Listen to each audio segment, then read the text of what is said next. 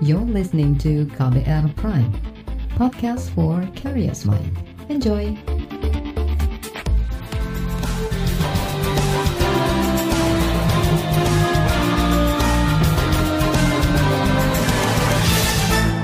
Halo saudara, senang sekali kami bisa menyapa Anda kembali dalam program KBR Sore edisi Selasa 22 Desember 2020. Saya Sindu Darmawan kembali menemani Anda selama kurang lebih 30 menit ke depan. Sore ini kita akan menyoroti munculnya varian baru virus corona yang muncul di Inggris sejak November lalu. Para ilmuwan menyebut varian baru virus penyebab COVID-19 ini lebih cepat menular dibanding varian asli. Mutasi virus ini terus menyebar dan menimbulkan kehebohan global sepekan terakhir. Hingga akhirnya, lebih dari 40 negara saat ini menutup seluruh jalur penerbangan dari Inggris. Lantas bagaimana dengan Indonesia? Apa saja yang harus disiapkan pemerintah Indonesia untuk menyikapi adanya varian baru virus COVID-19 itu? Saudara, virus corona SARS-CoV-2 penyebab COVID-19 sudah lama diketahui bermutasi. Namun, isu mutasi virus belakangan ini menghebohkan dunia. Varian baru virus corona muncul di Inggris dan menyebar cepat ke berbagai wilayah.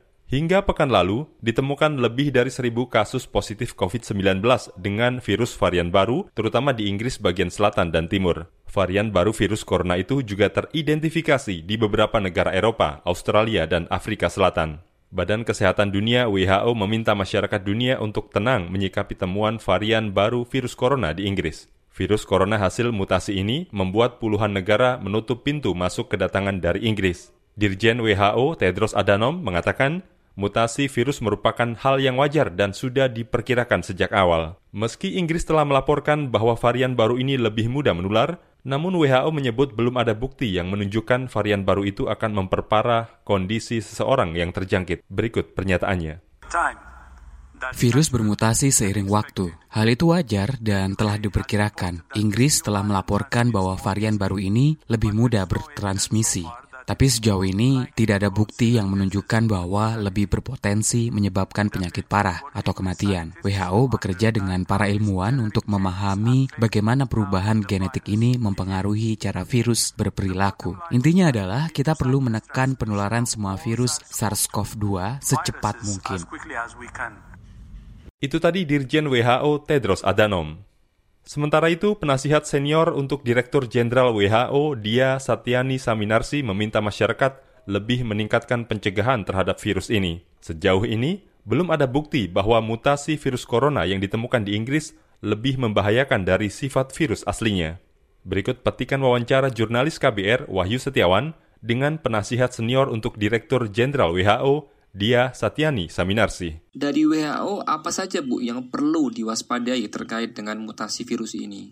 Saya rasa sebenarnya uh, fundamentalnya sama, jadi tetap kita uh, membatasi keluar rumah atau ya itu nggak boleh berdekatan, berkerumun, harus terus pakai masker, um, kemudian uh, apa harus rajin cuci tangan, itu tetap tapi sekarang dengan dengan um, apa tambahan mutasi ini uh, itu menjadi kita harus ekstra. Kan kemarin kita kayaknya oh kalau saya keluar rumah udah nggak apa-apa tuh gitu kan.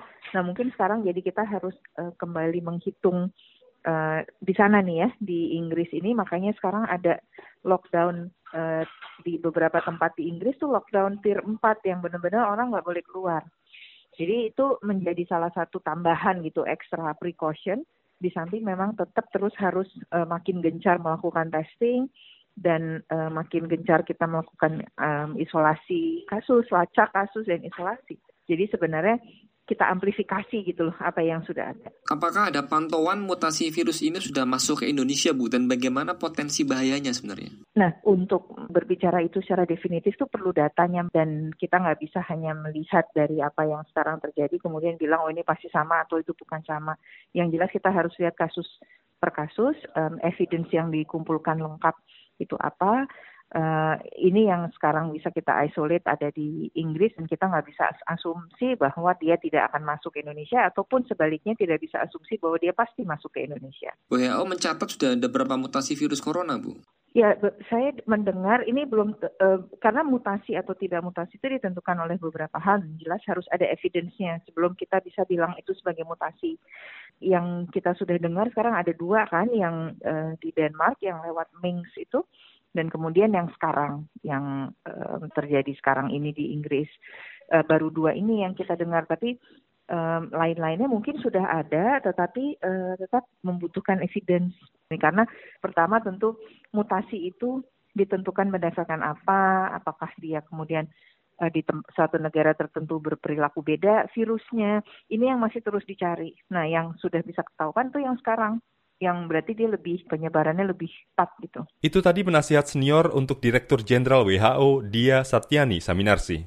Di bagian berikutnya kita simak rangkuman cerita dari warga negara Indonesia di Inggris yang juga terdampak kebijakan pengetatan wilayah imbas dari munculnya varian baru virus corona. Simak dalam laporan khas KBR usai jeda nanti. Tetaplah di KBR sore. You're listening to KBR Pride, podcast for curious mind. Enjoy.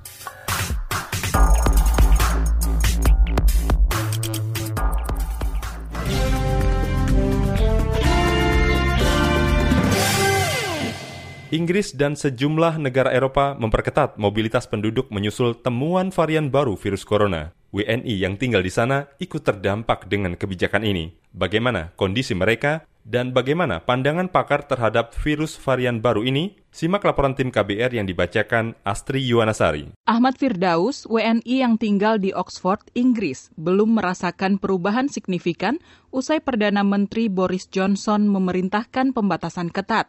Ini terkait temuan varian baru virus corona di sana yang disebut lebih mudah menular. Menurut Ahmad, pembatasan baru diterapkan di sektor bisnis, sedangkan warga masih bisa beraktivitas di luar rumah.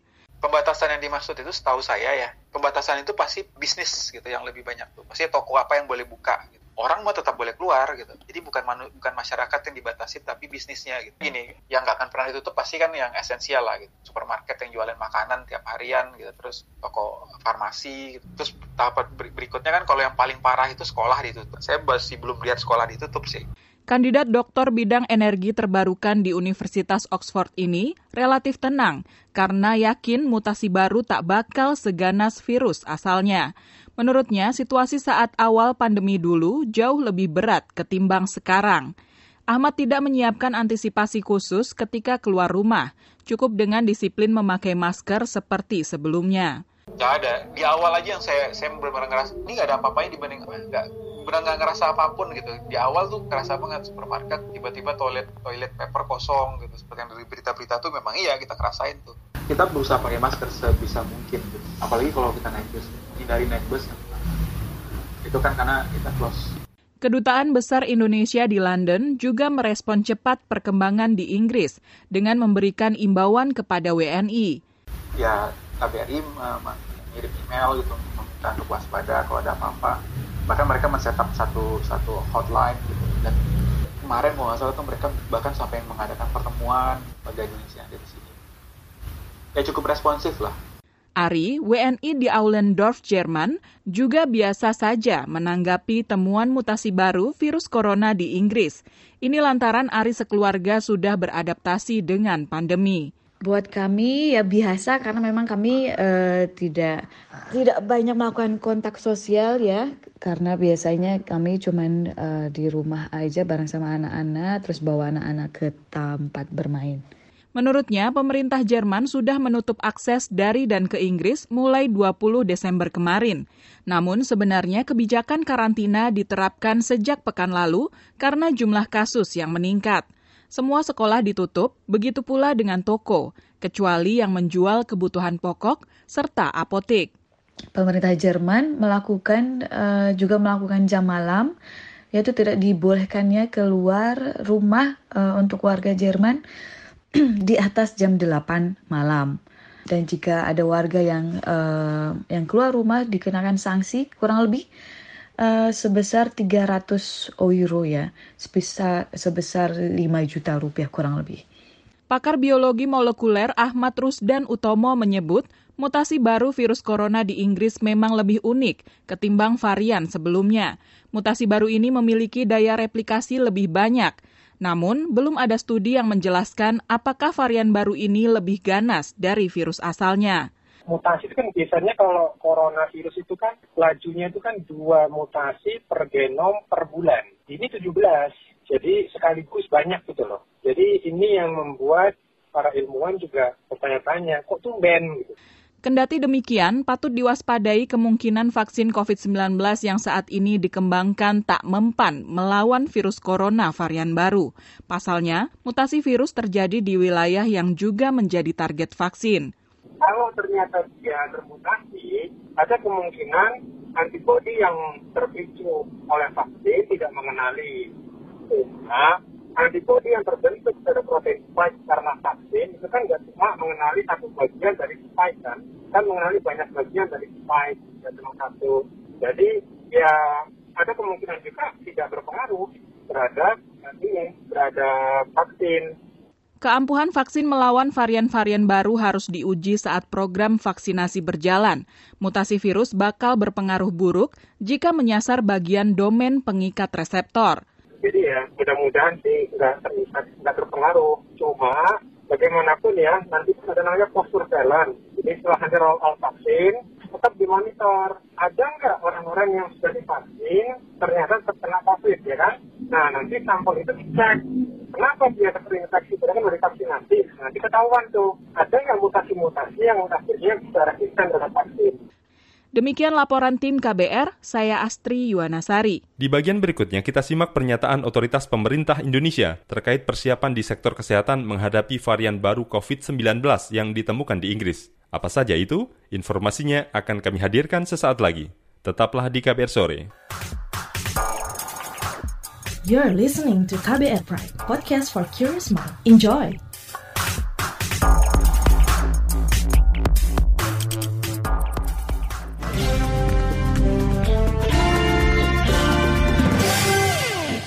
Terima kasih Anda masih bersama kami di KBR Sore. Saudara, pemerintah melalui Kementerian Kesehatan masih mempelajari varian baru virus corona penyebab COVID-19.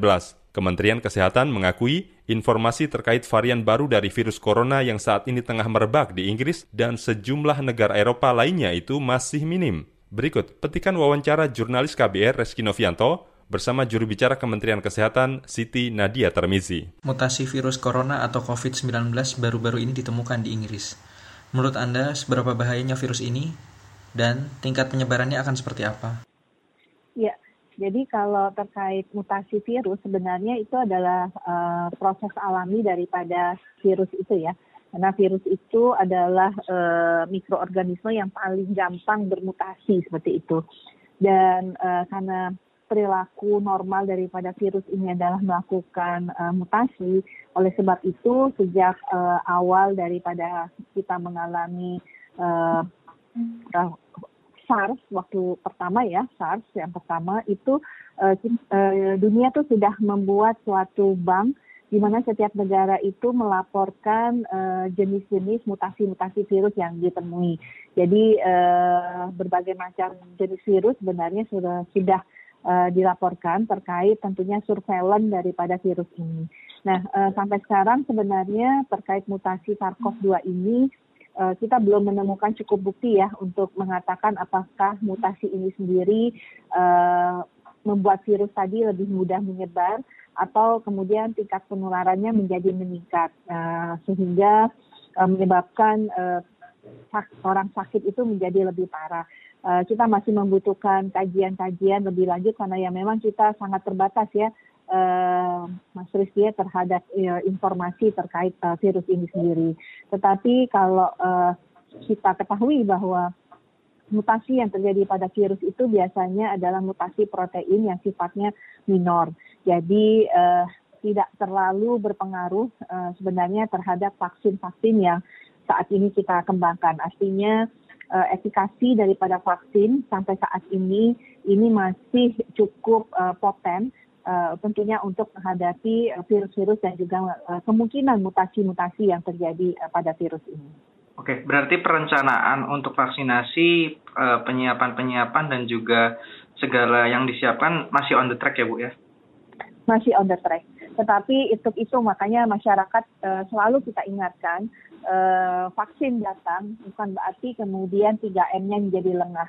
Tetap kita harus uh, perkuat 3M kita karena itu adalah uh, upaya pencegahan pertama uh, daripada penularan uh, virus corona 19 termasuk juga mutasi-mutasinya. Lantas, perencanaan program vaksinasi sejauh ini apakah masih sesuai target awal dan on the track? masih on the track.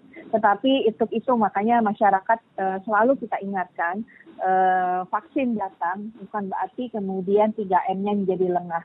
Tetap kita harus uh, perkuat 3M kita karena itu adalah uh, upaya pencegahan pertama uh, daripada penularan uh, virus corona 19 termasuk juga mutasi-mutasinya.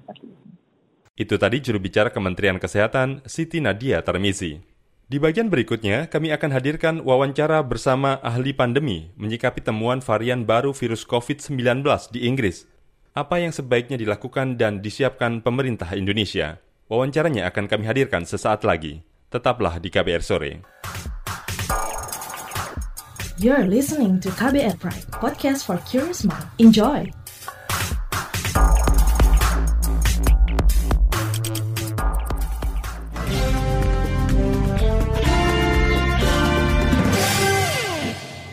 Anda masih mendengarkan KBR Sore. Saudara, ahli pandemi menyarankan pemerintah Indonesia meningkatkan upaya pengendalian wabah dengan pengendalian dari virus itu sendiri. Apalagi, varian baru COVID-19 itu dikhawatirkan akan berpotensi menyebabkan pandemi global semakin memburuk. Ahli epidemiologi Universitas Griffith Australia, Diki Budiman, juga menyarankan pemerintah sebaiknya membatasi akses penerbangan dari dan menuju Inggris untuk mencegah strain baru dari virus corona itu menyebar di tanah air. Berikut perbincangan jurnalis KBR Heru Haitami bersama ahli epidemiologi Universitas Griffith Australia, Diki Budiman. Terkait munculnya strain baru virus corona yang ditemukan di Inggris, bagaimana Indonesia sebaiknya menyikapi virus baru ini dan apa yang harus dipersiapkan pemerintah? Semakin banyak kasus infeksi, maka akan semakin banyak virus dan semakin besar kemungkinan dari virus itu bermutasi. Dan itu terjadi ketika di China. Mutasi pertama yang terdeteksi berakibat dalam perburukan pandemi ya di Januari di China yang di 614G itu yang akhirnya saat sebelum keadaannya strain ini menjadi strain yang dominan ya karena saat itu 20% lebih cepat menular. Nah, saat ini yang ini 70% lebih cepat menular dan artinya potensinya dia bisa menjadi juga yang dominan ya, dominan di di level global dan artinya untuk diketahui ketika ada satu virus yang mengalami mutasi seperti ini di mana koneksi global tidak ada batasan, artinya penerbangan dan Indonesia eh, sangat besar kemungkinan juga itu akan menyebar cepat ya dengan banyak negara ya seperti misalnya Australia juga sudah terdeteksi. Nah, untuk Indonesia tentu ini harus disikapi dengan penguatan surveillance kita termasuk harus ditambah dengan surveillance genomik namanya. Nah, ini yang tentu jadi PR semakin besar dan inilah yang selalu saya ingatkan bahwa perjalanan kita keluar dari pandemi ini masih panjang meskipun ada vaksin sekalipun, situasi yang terjadi saat ini bisa memburuk sewaktu-waktu akibat kita lalai dalam pengendalian pandeminya. Dengan apa? Dengan intervensi di public health-nya ya, 3T, eh, 3M ya, pembatasan mobilitas dan interaksi. Nah, negara-negara yang gagal ini nanti akan semakin berkontribusi pada perburukan pandemi global juga. Jadi peran semua negara besar ya dalam membantu dunia ini keluar dari situasi pandemi. Apakah memungkinkan ada pembatasan atau pengetatan akses dari dan menuju ke Inggris? Ya tentu harusnya jangankan ada strain virus ini ya. Dalam situasi pandemi ini eh, banyak negara yang berhasil ya dia membatasi akses dan penerbangan luar negeri ya. Itu yang sebetulnya harus dilakukan eh, bahkan sebelum adanya strain baru ini. Apalagi setelah ada strain baru apa strain baru ini. Penelitian mengatakan bahwa virus ini rentan menyebar di usia anak-anak. Lalu bagaimana dengan vaksin karena yang rencana digunakan di Indonesia hanya menyasar usia 18 hingga 59 tahun? Ini masih dalam riset yang memastikan ya karena kalau pada anak-anak ini menyebar cepat ini juga satu tanda yang mengkhawatirkan sekali karena ini artinya mereka kan dalam kelompok yang rawan dan ini artinya biasanya tidak jauh berbeda dengan kelompok lansia ya potensinya besar gitu. Jadi itu yang masih kita harus tunggu. Nah, sembari menunggu itu ya tidak ada kata lain selain melakukan upaya-upaya penguatan dari strategi intervensi kita. Kemudian bagaimana dengan vaksin COVID kita yang rencana menyasar usia 18-59 tahun? Ya, kalau sudah didapatkan informasi data yang valid bahwa vaksin yang akan digunakan itu aman, terutama juga memiliki efikasi yang memadai itu tidak jadi masalah ya sejauh ini ya itu masih bisa on schedule ya. Tapi kita ini dalam situasi pandemi ini tidak ada satupun yang bisa kita jadikan semacam kepastian lah. Artinya strategi dan pilihan sikap yang harus diambil setiap negara wilayah termasuk individu kita ini ya melakukan upaya terbaik dan bentuk pencegahan, pengendalian. Jadi itu yang harus dilakukan sejak dini, sejak awal dan bahkan sejak sekarang ini. Karena kita tidak tahu apa yang akan terjadi, apakah ada mutasi lagi atau mutasi lainnya yang lebih efektif, kemungkinan itu terjadi juga ya. Dan itulah sebabnya kenapa selalu saya ingatkan bahwa belum ada dalam sejarah pandemi sampai saat ini selesai dengan vaksinasi. Dan COVID-19 bukan kekecualian ya. Tentu kita berharap akan bisa mempercepat itu ya. Tapi sekali lagi tidak ada garansi untuk itu. Itu tadi ahli epidemiologi Universitas Griffith Australia, Diki Budiman. Saudara, wawancara tadi mengakhiri perjumpaan kita di program KBR Sore, edisi Selasa 22 Desember 2020. Pantau selalu informasi terbaru melalui situs kbr.id, Twitter kami di akun @beritaKBR serta podcast di alamat kbrprime.id. Jangan lupa untuk terus menerapkan protokol kesehatan dengan 3M, memakai masker, menjaga jarak, dan rajin mencuci tangan dengan sabun. Saya Sindu Darmawan bersama kerabat kerja yang bertugas undur diri. Salam.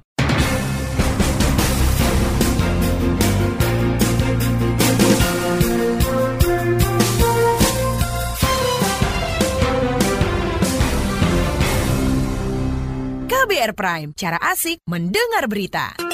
KBR Prime, podcast for curious mind.